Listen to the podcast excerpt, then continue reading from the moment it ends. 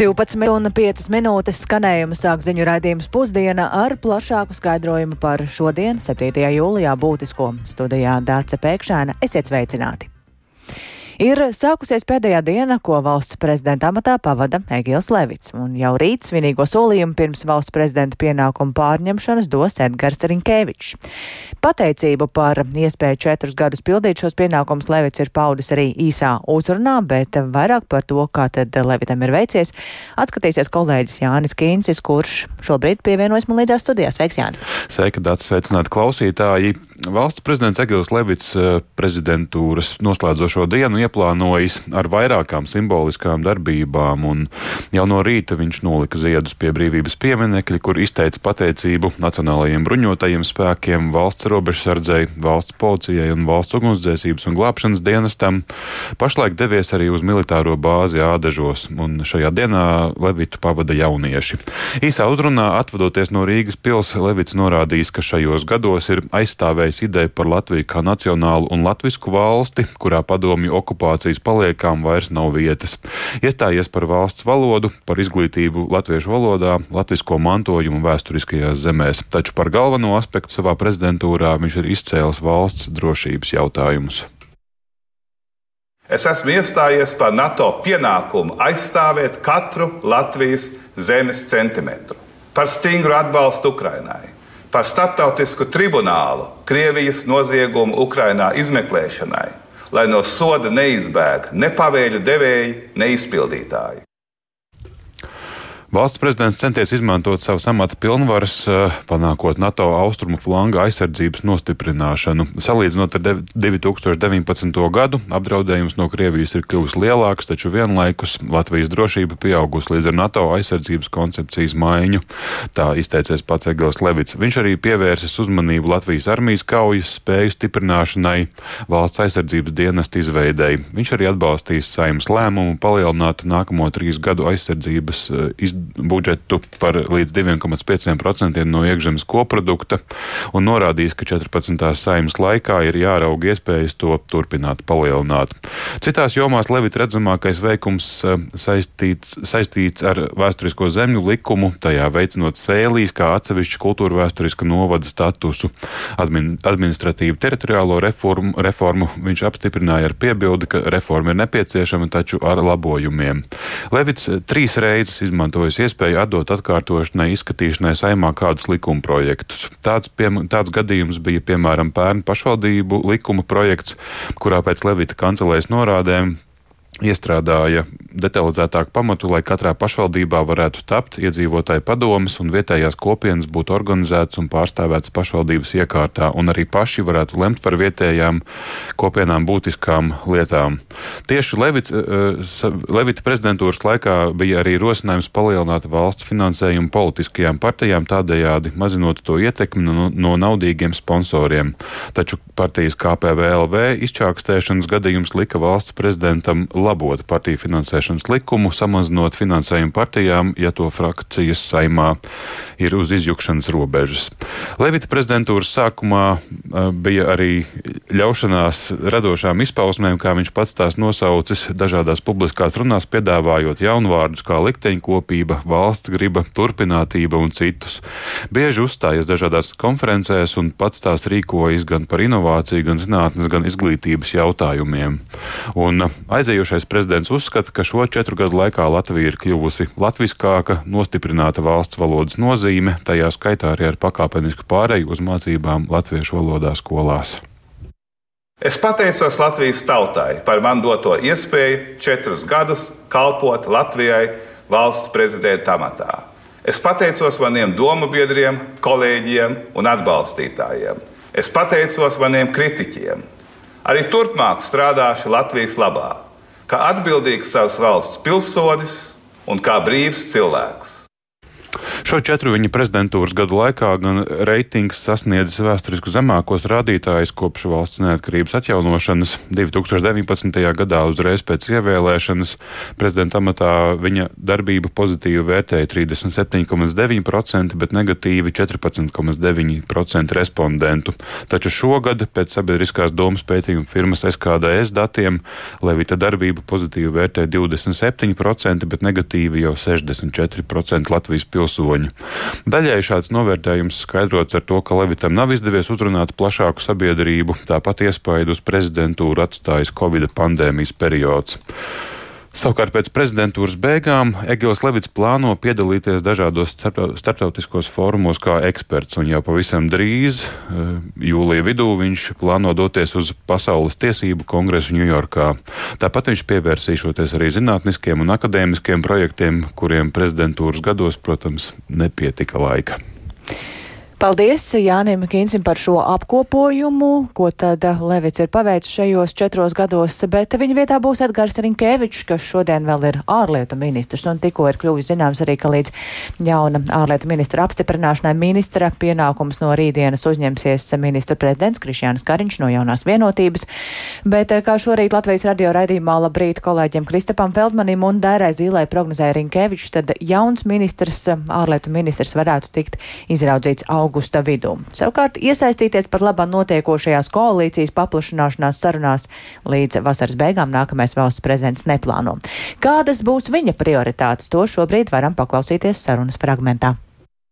Neapšaubām tas ir jautājums par mūsu valsts drošību, gan ārējo, gan iekšējo, jo apstākļi kādi ir gan pasaulē, gan reģionā, liek par to domāt un par to rūpēties pastāvīgi. Otra lieta - neapšaubāmi, ka es gribētu vairāk uh, uzmanības pievērst arī tādām lietām, kas ir saistīts ar to, ko ļoti smalkā valodā sauc valsts konkurētspējas veicināšana. Sevišķi, protams, redzot arī, ka viens otrs rādītājs mums ir gājis uz leju, un, protams, ka no valsts prezidenta var gaidīt tādas lietas, kas saistās kaut vai ar investoru uzrunāšanu, kas saistās ar mūsu uzņēmēju, arī uzņēmumu, kam ir labas iespējas eksportēt, tādu vairāk reklamēšanu ārpus valsts. Bet te nu jāsaka, ka, lai kādu uzrunātu, nākt investēt, ir mazliet jāpastrādā kopā ar saimnu, ar valdību, lai panāktu tomēr, ka mums viens otrs varbūt likums tiek padarīts vienkāršāks, labāks un uzņēmējs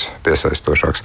Un, protams, arī vesela rinda lietu, kas ir saistīts no ar tādu demokrātijas un likuma varas un cilvēktiesību stiprināšanu, jo bieži vien prezidenta institūcija ir tā, kurai tomēr ir jārēģē un jāsaka, ka redz, ka kaut kas nav labi gan sabiedrībā, gan varbūt arī varas iestādēs, vai tā būtu žurnālistu brīvība, vai tie būtu cilvēktiesību standarti, vai vienotreiz arī mums nācās jau faktiski diezgan daudz diskutēt par to pašu traģēdiju Jēkabīlī, kad tika nogalināta sieviete nu, par tādām lietām, kur tu redzi, ka ne visas valsts varas iestādes ir rūpējušās par savu tiešo pienākumu izpildi. Runājot par uh, mūsu pašu valdībā notiekošo, premjerministrs Krišāns Kariņš tikšot skaidrībā ar koalīcijas paplašināšanu līdz augusta vidum.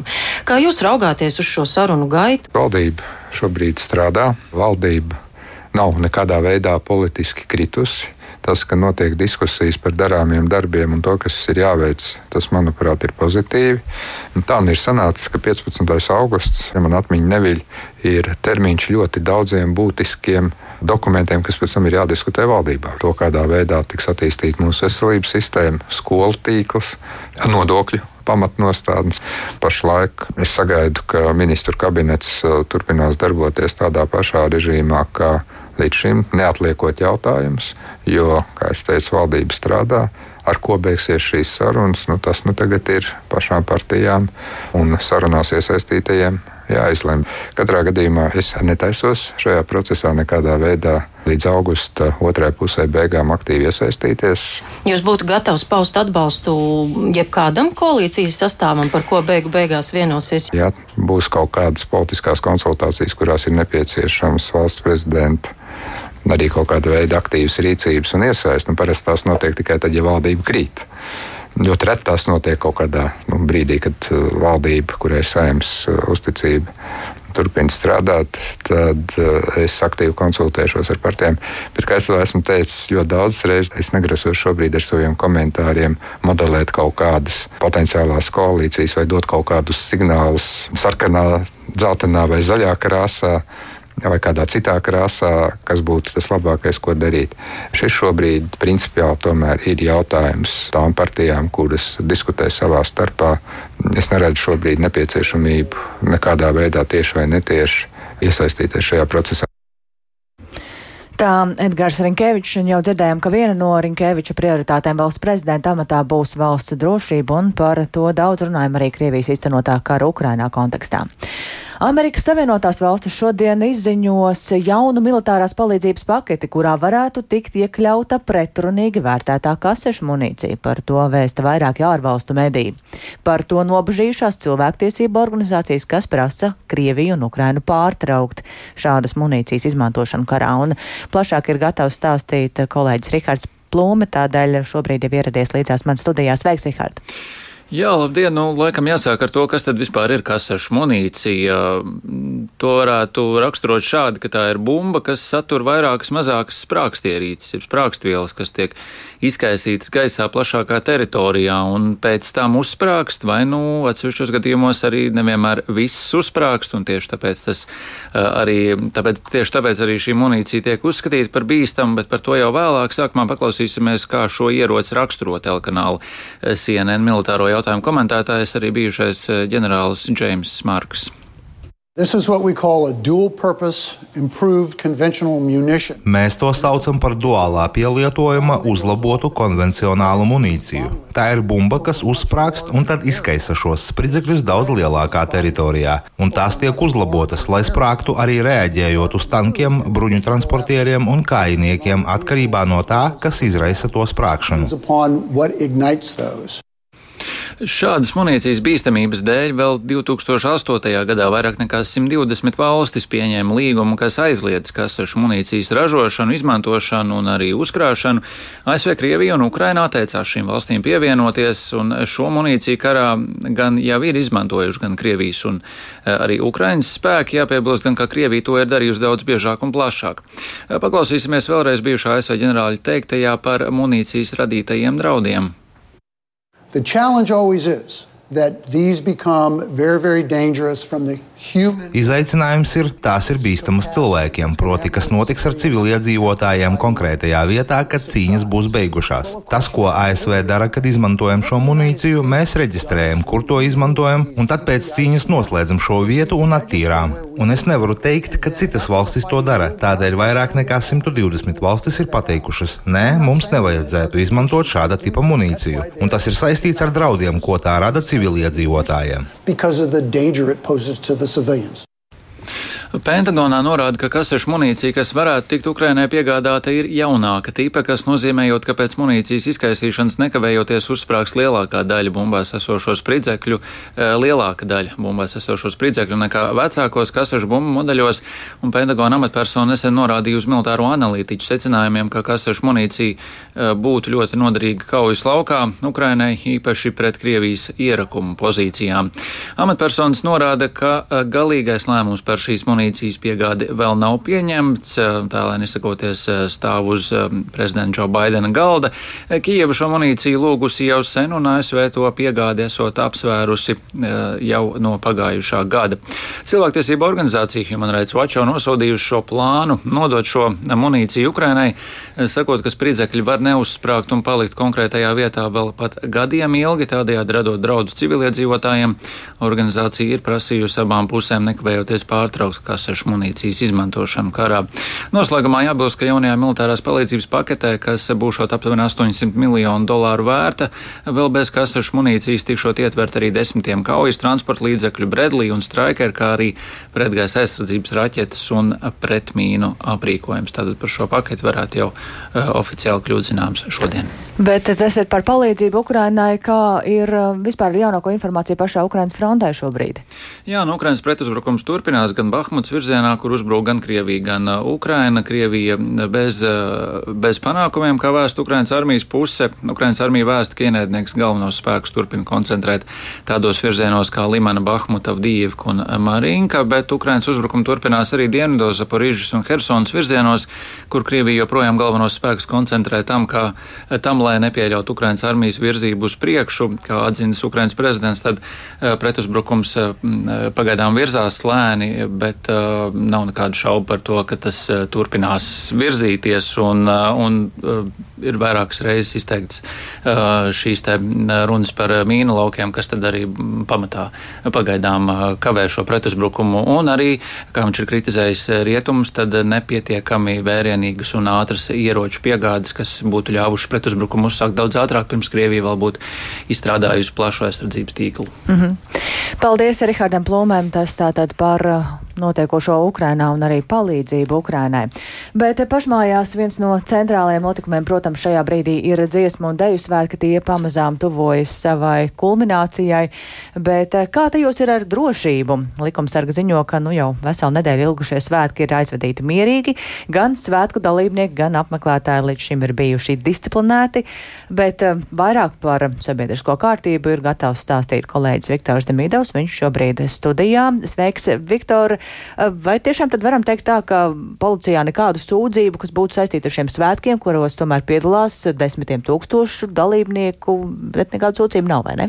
Jā, labdien! Nu, ja skatās kopumā, tad uh, jubilejas dziesmu un deju svētki no policijas viedokļa tiek aizvadīti normāli, bez īpašiem starpgadījumiem, un tas ir organizatoru nopelns.